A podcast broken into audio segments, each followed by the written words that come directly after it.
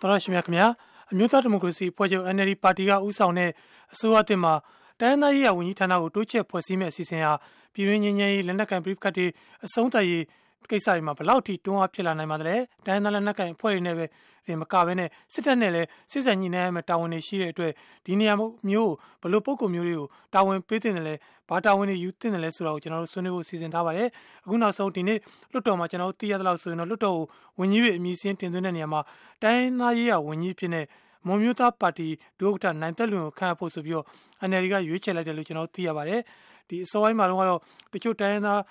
နိုင်ငံရေးလောကရဲ့ပုံကိုယ်တွေလည်းဖြစ်နိုင်တယ်ဆိုပြီးခန့်မှန်းချက်တွေလည်းအမျိုးမျိုးထွက်ခဲ့ကြပါတယ်ဆိုတော့ဒီတခြားတိုင်းသားတွေရှိတဲ့အထက်မှာမှဒီမွန်ရွေးတာနိုင်ငံရေးရမှန်ကန်တဲ့ရွေးချယ်မှုတစ်ခုလို့ဟိုပြောနိုင်ရလားဘာဖြစ်လို့လဲဆိုတော့တခြားရွေးကောက်ပွဲမှာအနိုင်ရတဲ့နိုင်ငံရေးဟိုတိုင်းသားနိုင်ငံရေးပါတီအကြီးကြီးလည်းရှိနေတယ်ဆိုတော့ဒါနဲ့ပတ်သက်လို့သတင်းစာဆရာဆရာဦးစီသူအောင်မြင့်ရဲ့သဘောထားကိုအရင်ကြားကြပါမယ်ခင်ဗျာကျွန်တော်စဉ်းစားတာကတော့ဒီဒေါ်ဆန်းစုကြည်နဲ့ NLD အမျိုးသားဒီမိုကရေစီအဖွဲ့ချုပ်က အခုသူတို့ရဲ့အစိုးရအဖွဲ့ပေါ့နော်အစိုးရအဖွဲ့ဆိုတာဟိုအကုန်လုံးကိုဟိုစုံညီပြီးတော့မှကျွန်တော်တို့ခေါ်တာပါလွတ်တော်အကြီးအကဲတွေရောအဲဝန်ကြီးအဖွဲ့အစည်းတွေရောနောက်ပြီးတော့မှပြည်တော်စုအဆင့်အဖွဲ့အစည်းတွေရောအကုန်လုံးကိုခေါ်တာပါအဲ့ဒီတဲမှာတိုင်းသားတွေအားလုံးပါဝင်ဖို့ဆိုပြီးတော့မှသူတို့ရည်ရွယ်ချက်ထားခဲ့တဲ့ပုံပေါ်ပါတယ်ဒါကျွန်တော်ကျွန်တော်နားလည်သလောက်ပေါ့အဲထားခဲ့တဲ့စီမှာသူတို့နေရာတွေပါတွေချကြည့်တယ်ချကြည့်ပြီးတော့မှအဲ့ဒီတိုင်းသွားနေတယ်လို့ကျွန်တော်နားလည်ပါတယ်အဲ့တော့ဒီတိုင်းသားကြီးကဝန်ကြီးဌာနနဲ့ပတ်သက်လို့လည်း ဟိုသတင်းတွေထွက်ပေါ်လာတဲ့ဒီမှာကတော့ဟို SNLD ပေါ့နော်ရှမ်းအဖွဲ့ကဦးဆိုင်ညွန့်လွင်ကိုကမ်းလှမ်းတယ်လို့သိရပါတယ်ဒါပေမဲ့အဲ့ဒီဘက်ကညှင်းပယ်လိုက်တဲ့ခါကျတော့ဒါမွန်အမျိုးသားပါတီကအခုတော့နိုင်သက်လွင်ကိုဒါခတ်လိုက်တယ်ဆိုတဲ့သဘောမျိုးကျွန်တော်တို့တွေ့ရပါတယ်ဆိုတော့ NLD ရဲ့လုံနေကင်နေရတဲ့ဥစ္စာကအခက်ခဲလည်းအများကြီးကြီးပါတယ်အခုသူလုံနေတဲ့ဥစ္စာကပထမတစ်ဆင့်အနေနဲ့ပြောရရင်ပုံသဏ္ဍာန်အဖြစ်တိုင်းသားစီလုံးမျိုးရေးကိုအလေးကြီးပြုကြောင်းအဲသူဖော်ပြခြင်းနေတဲ့သဘောလို့ကျွန်တော်တွေ့ရပါတယ် ဒါပေမဲ့တကယ်တကယ်ဒီထက်ကိုပိုအရေးကြီးတာကအနှစ်သာရအားဖြင့်တိုင်းသားစီလုံးမျိုးရေးကိုဖြစ်စေနိုင်တဲ့တိုင်းသားဒန်းလူရေးကိုဖြစ်စေနိုင်တဲ့ policy တွေချပြီးတော့မှသူလောက်ရမယ့်ကိစ္စတွေပါငင်းညမ်းရေးတွေပါလောက်ရမယ့်ကိစ္စတွေပါဆိုတဲ့ခါကျတော့အခုလောလောဆယ်ဒါမွန်တိုင်းသားတယောက်ကိုဒီလိုမျိုးခန့်လိုက်တဲ့ဥစ္စာကိုကျွန်တော်အနေနဲ့ကတော့သဘောတူပါတယ်ဘာလို့ဆိုတော့သူတခြားသောဟိုအနေရာတွေမှာလည်းသူတတ်နိုင်တော့နေရာတွေချထားပြီးပြီဖြစ်လို့အဲ့လိုကျွန်တော်နားလည်ပါတယ်ဟုတ်ကဲ့ကျွန်တော်ဒီရခိုင်မျိုးသားကောင်စီထွေထွေမှုဦးထွန်းစောရဲ့သဘောထားကိုလည်းကြားချင်ပါတယ်ဟုတ် ကျွန်တော်မြင်တာကတော့ အခုဖွဲ့စည်းလိုက်တဲ့ တိုင်းသားရဲ့အဝန်ကြီးဌာနဆိုတာကတော့ ကျွန်တော်မြင်တာ2015ခုနှစ်ကဒီချွတ်တော်မှာ အတည်ပြုခဲ့တဲ့ တိုင်းရင်းသားခွင့်ရေးကကွယ်စောင့်ရှောက်ဥပဒေပေါ့နော် အဲ့ဒီဥပဒေရဖွဲ့တယ်လို့ပဲ ကျွန်တော် နားလေပါတယ် အဲ့ဒီဥပဒေမှာရေချက်6ရက်ရှိပါတယ် အဲ့ဒီဥပဒေတိုင်းသာ ဖြစ်မယ်ဆိုလို့ရှိရင် အဲ့ဒီဥပဒေရဲ့ရွေချက်6ရက်ထက်မှာ ပထမတစ်ချက်ကပါပြောထားတယ်ဆိုတော့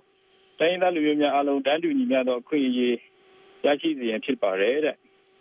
ပြီးနောက်ဆုံးတစ်ချက်မှာကျတော့ဗာပြောလဲဆိုတော့ဖွဲ့စည်းပုံအခြေခံဥပဒေပါအခွင့်အရေးများကိုတိုင်းရင်းသားလူမျိုးများအပြည့်အဝရရှိစေရန်ဖြစ်ပါတယ်တဲ့ဆိုဒီနှစ်ခုကဘာကိုဖော်ပြတယ်လဲဆိုတော့2008ဖွဲ့စည်းပုံဘာအောက်မှာပေးထားတဲ့အခွင့်အရေးတွေဖြစ်ပါတယ်2008ဖွဲ့စည်းပုံအခြေခံဥပဒေပါအောက်မှာတိုင်းရင်းသားလူမျိုးများအားလုံးတန်းတူညီမျှတဲ့နိုင်ငံသားအခွင့်အရေးကိုရရှိစေမယ်ဆိုတဲ့အာမခံချက်ကမရှိပါဘူး။ဘာကြောင့်လဲဆိုတော့တိုင်းပြည်မှာပြဿနာဖြစ်နေရတာကကျွန်တော်တို့တိုင်းရင်းသား လူမျိုးချင်းချင်းကြားမှာတန်းတူခွင့်ရမရလို့ဖြစ်ပါတယ်။အခုကျွန်တော်တို့ဝန်ကြီးဌာနကတိုင်းသားရဲ့ဝန်ကြီးဌာနမှာဘယ်သူပဲခန့်ခန့်ပေါ့လေ။အဓိကလုတ်ပိုင်ခွင့်ကအရေးကြီးပါတယ်။အခုပေးထားတဲ့လုတ်ပိုင်ခွင့်က2008ပေါင်အောက်မှာဆိုတဲ့ခါကျတော့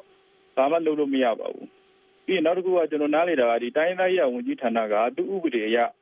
အခုတိုင်းသားဒေသတွေမှာဖြစ်ပေါ်နေတဲ့စီးရပတိပခနော်ပြည်တွင်းစစ်ကိုသူကဖြည့်ချင်းဖို့အတွက်သူ့မှာတာဝန်မရှိပါဘူး သူကတာဝန်ခံရမယ်လို့သူ့မှာအတိအလင်းပြဋ္ဌာန်းချက်လည်းမရှိပါဘူးကျွန်တော်တို့သိရသလောက်ပေါ့လေသူကဘာတွေလုပ်ခွင့်ရှိလဲဆိုတော့ခုနကအဲစာပေနဲ့ယဉ်ကျေးမှုရေးရာကိစ္စတွေဖွံ့ဖြိုးတိုးတက်ရေးနေတဲ့ဒေသဖွံ့ဖြိုးတိုးတက်ရေးဆိုင်ရာကိစ္စတွေအဒါတွေကိုပဲအခွင့်အလမ်းပေးထားတာဖြစ်ပါတယ်ဆိုရင်လူတွေကတော့အကောင့်ဘက်ကကြည့်ကြတာကမရှိတာနဲ့စာရင်ရှိတာပိုကောင်းတယ်ဆိုတော့ဒီအခွင့်အရေးများတစ်ခုရလိမ့်မလား NLD ဆိုရလက်ထက်မှာတော့ပြီးခဲ့တဲ့စစ်ဆိုရနဲ့စာရင်ပို့ပြီးတော့မှမျှော်လင့်ချက်ရှိနိုင်တယ်ဆိုတော့ အကောင့်ဘက်ကရှုမြင်ပြီးတော့မှအဲ့လိုမျိုးရှုမြင်ပြီးကျွန်တော်တို့အပေါင်းလက္ခဏာဆောင်တဲ့ပုံစံမျိုးပြောနေကြတာပဲများပါတယ်လက်တွေ့မှာတော့ကျွန်တော်အနေနဲ့တွေ့တာကတော့ဒီတိုင်းသားရဝန်ကြီးဌာနကအခုနကပဋိပက္ခတွေကိုဖြေရှင်းနိုင်မဲ့နောက်ပြီးတော့မှတိုင်းရင်းသားတန်တူညီတဲ့အခွင့်အရေးကိုဖော်ဆောင်မဲ့သူ့ရဲ့လုပ်ပိုင်ခွင့်ကအဲ့လောက်မရှိဘူးဆိုတာတော့တွေ့ရပါတယ်ဟုတ်ကဲ့ကျွန်တော်ဒီဆွေးနွေးပွဲအတွက်ကိုကျွန်တော်တို့ဆက်သွယ်ထားတဲ့ပုံကိုတချို့ကိုလည်းကျွန်တော်အလှည့်ပေးခြင်းပါတယ်အရင်ဆုံးကတော့ဒီထိုင်းနိုင်ငံကကိုတီးလည်မှုကကိုတီးလည်မှုရဲ့သဘောထားဆွေးနွေးနိုင်ပါတယ်ခင်ဗျ ဟုတ်ကဲ့ခင်ဗျကျွန်တော်အနေနဲ့ကတော့ဒီအခုအစိုးရတဲ့တက်လာတယ်ဆိုတာကျွန်တော်ကြိုးစားပါတယ်ကျွန်တော်ပြည်သူလူထုလည်းကြိုးစားမှာပါတိုင်းနာအဖွဲ့အစည်းလည်းကြိုးစားမှာပါဖြစ်ပါတယ်ခင်ဗျတိုင်းနာလည်းနဲ့တိုင်းအဖွဲ့အစည်းလည်းကြိုးစားမှာလို့ကျွန်တော်ထင်ပါတယ်ဘာဖြစ်လို့လဲဆိုတော့ကျွန်တော်အနေနဲ့ကတော့ဒီလိုအစိုးရမျိုးတက်လာတာကိုကျွန်တော်အတမကြိုးစားသလိုနော်အစိုးရရဲ့လောက်ဆောင်မှုကျွန်တော်တို့ကတစ်ချက်ကြည့်အောင်မှဖြစ်ပါတယ်ခင်ဗျာဘာဖြစ်လဲဆိုတော့ကျွန်တော် တိုင်းနာပြည်သူတွေ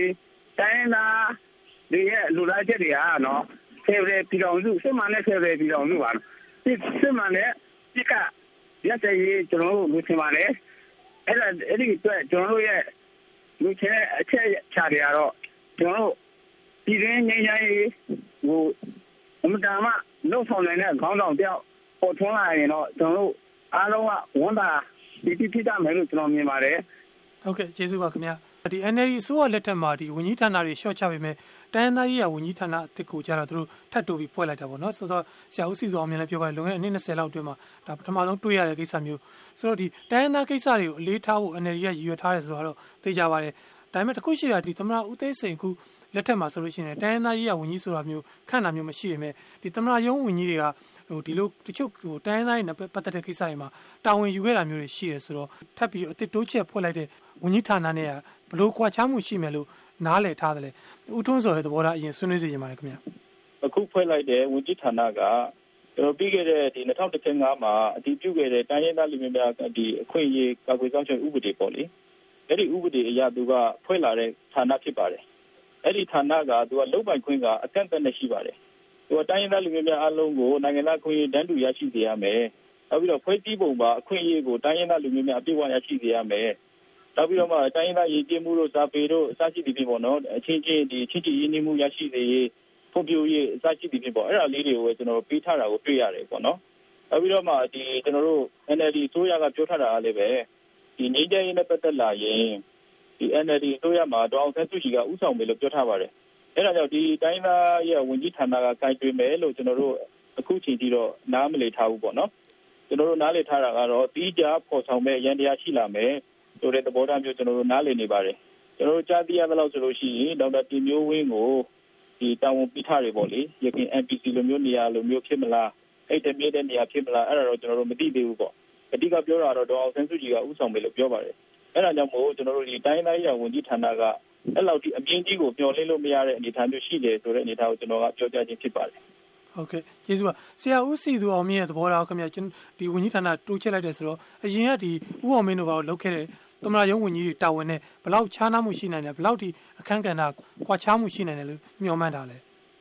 အဲ့ဒါကတော့ခုနကဟိုဟာပြောတဲ့ဥစ္စာကိုကျွန်တော်ဟိုလက်ခံပါတယ်အတိုင်းအတာတစ်ခုထိအဲဘယ်လိုလဲဆိုတဲ့ခါကျတော့ သူကအဲဒန်းညီမြမှုဆိုင်ရာအခွင့်အရေးမရတဲ့ကိစ္စတွေအများကြီးရှိပါတယ်စီးပွားရေးပြဿနာတွေခုနကတော့လို့ဟိုလူမျိုးစာပေယဉ်ကျေးမှုဆိုင်ရာပြဿနာဒန်းညီမြမှုမရှိမှုတွေစစ်ရေးဆိုင်ရာကိစ္စတွေအဲ့လိုမျိုးခေါင်းစဉ်တွေအများကြီးရှိပါတယ်အဲ့ဒီခေါင်းစဉ်တွေအများကြီးအောက်မှာမှာခုနကတော့လို့တကယ်တိုင်းပြည်မှာအရေးကြီးတဲ့ဒီတိုက်ပွဲတွေဖြစ်နေတဲ့ငြိမ်းချမ်းရေးတွေမဖြစ်ဘူးဘာညာဆိုတဲ့ကိစ္စတွေကိုဖြည့်ရှင်းမှာတော့ဟုတ်တယ်ဒေါန်ဆန်းစုကြည်ကိုယ်တိုင်ဥဆောင်ပြီးတော့မှသူလှုပ်သွားဖို့လိုတယ်ဒါတကယ်အရေးကြီးတဲ့ကိစ္စပါပဲအဲဒီလိုဟာမျိုးကိုတော့ ခုနကတော့လို့တိုင်းသားရေးရဝန်ကြီးဌာနကိုသွားပြီးတော့အပ်ထားလိုက်မယ်လို့တော့ကျွန်တော်တို့မပြောလိမ့်နိုင်ပါဘူးဒါတော့မှန်ပါတယ်ဒါပေမဲ့အဲ့ဒါနှိမ့်တယ်မြင့်တယ်မဟုတ်ပါဘူးတိုင်းသားတွေရဲ့အခွင့်အရေးတွေကိုဂန်းတူဖြစ်ဖို့ပေါ်ဆောင်တဲ့စီမှာခုနကငញ្ញရေးပေါ်ဆောင်တဲ့ဥစ္စာကတတ်တတ်သွားပါလိမ့်မယ်အဲ့ဒီမှာကြားတဲ့ခါကျတော့တိုက်ပွဲဖြစ်ပွားနေတဲ့ကိစ္စအထစ်ကိုသူကကြီးကျယ်တယ်အဲ့ဒီဥစ္စာကိုဖြည့်ရှင်းရပါလိမ့်မယ်အဲကျန်တဲ့ကိစ္စတွေကျတော့အများကြီးပါတိုင်းသားဒေသတွေမှာခုနကပြောသလိုကိုယ့်ရဲ့စာပေကိုယ့်ရဲ့လူမျိုး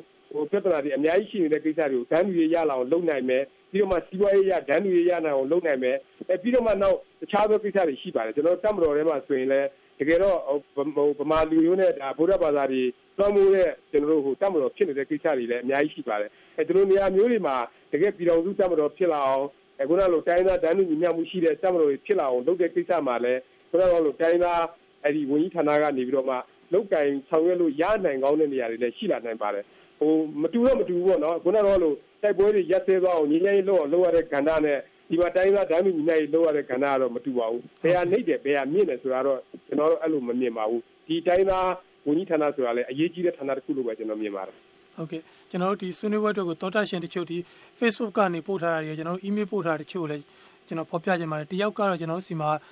ဟိုသူရအောင်ဆိုပြီးသူက Facebook မှာရေးထားတာတခုကိုအချင်းချင်းပြောပြခြင်းပါတယ်သူကတော့တနင်္ဂနွေလုံးငင်းငင်းရောက်ဖို့အဓိကဥဆောင်တင်တဲ့သူကတော့ဒေါအောင်ဆန်းစုကြည်ဖြစ်ပါတယ်တဲ့သူ့အနေနဲ့အထူးဆွေးနွေးရမယ့်သူကလည်းတမတော်ကာကွယ်ဦးစီးချုပ်ဖြစ်ပါတယ်တဲ့ဟိုကာချုပ်အနေနဲ့ကလည်းတိုင်းပြည်နယ်ပြည်သူလူထုရဲ့လူလားချက်တွေကိုအတိအမှန်မပြုဘဲနဲ့နေရာတိုင်းမှာလက်နက်အားကိုးနဲ့ပြည်သူကတင်မြောက်တဲ့အစိုးရကိုကန့်လန့်တက်နေရင်တော့ငင်းချမ်းရဖို့မလွယ်ပါဘူးတဲ့နောက်တရားလည်းရှိပါသေးတယ်ကျွန်တော်တို့ဟုတ်ကဲ့သူကဦးရဲတင်ဟုတ်ကဲ့ရှင်မျိုးဟုတ်ကဲ့ အခုအစိုးရတင်လက်ထက်မှာဝန်ကြီးဌာနတရက်အဖြစ်ဖွဲ့စည်းထားခြင်းပြည်ထောင်စုဝန်ကြီးတူပေါ်ထွက်လာခြင်းနဲ့သက်ဆိုင်ရာရွေးကောက်ခံတိုင်းဒေသကြီးပြည်내ဝန်ကြီးနဲ့တွဲဖက်ပူးပေါင်းဆောင်ရွက်စီခြင်းတို့ဟာအလွန်အားကောင်းစေတဲ့ဆောင်ရွက်မှုမျိုးဖြစ်စေတဲ့အပြင်အမျိုးသားဒီမိုကရေစီအဖွဲ့ချုပ်ရဲ့ရွေးကောက်ပွဲကြီးညာစရာမှာတဲ့တိုင်းရင်းသားအရေးနဲ့ပြည်တွင်းငြိမ်းချမ်းရေးဆိုတဲ့အချက်နဲ့လည်းကိုက်ညီအောင်ဆောင်ရွက်ပြုလုပ်ခြင်းဖြစ်တာကြောင့်ပြည်သူအပေါ်အလေးထားကြောင်းတံမိုးထားကြောင်းနဲ့ပြည်သူမျက်နာကိုသာဗဟိုပြုထားကြောင်းသိတာထင်ရှားစေတဲ့အချက်ဖြစ်ပါတယ်တဲ့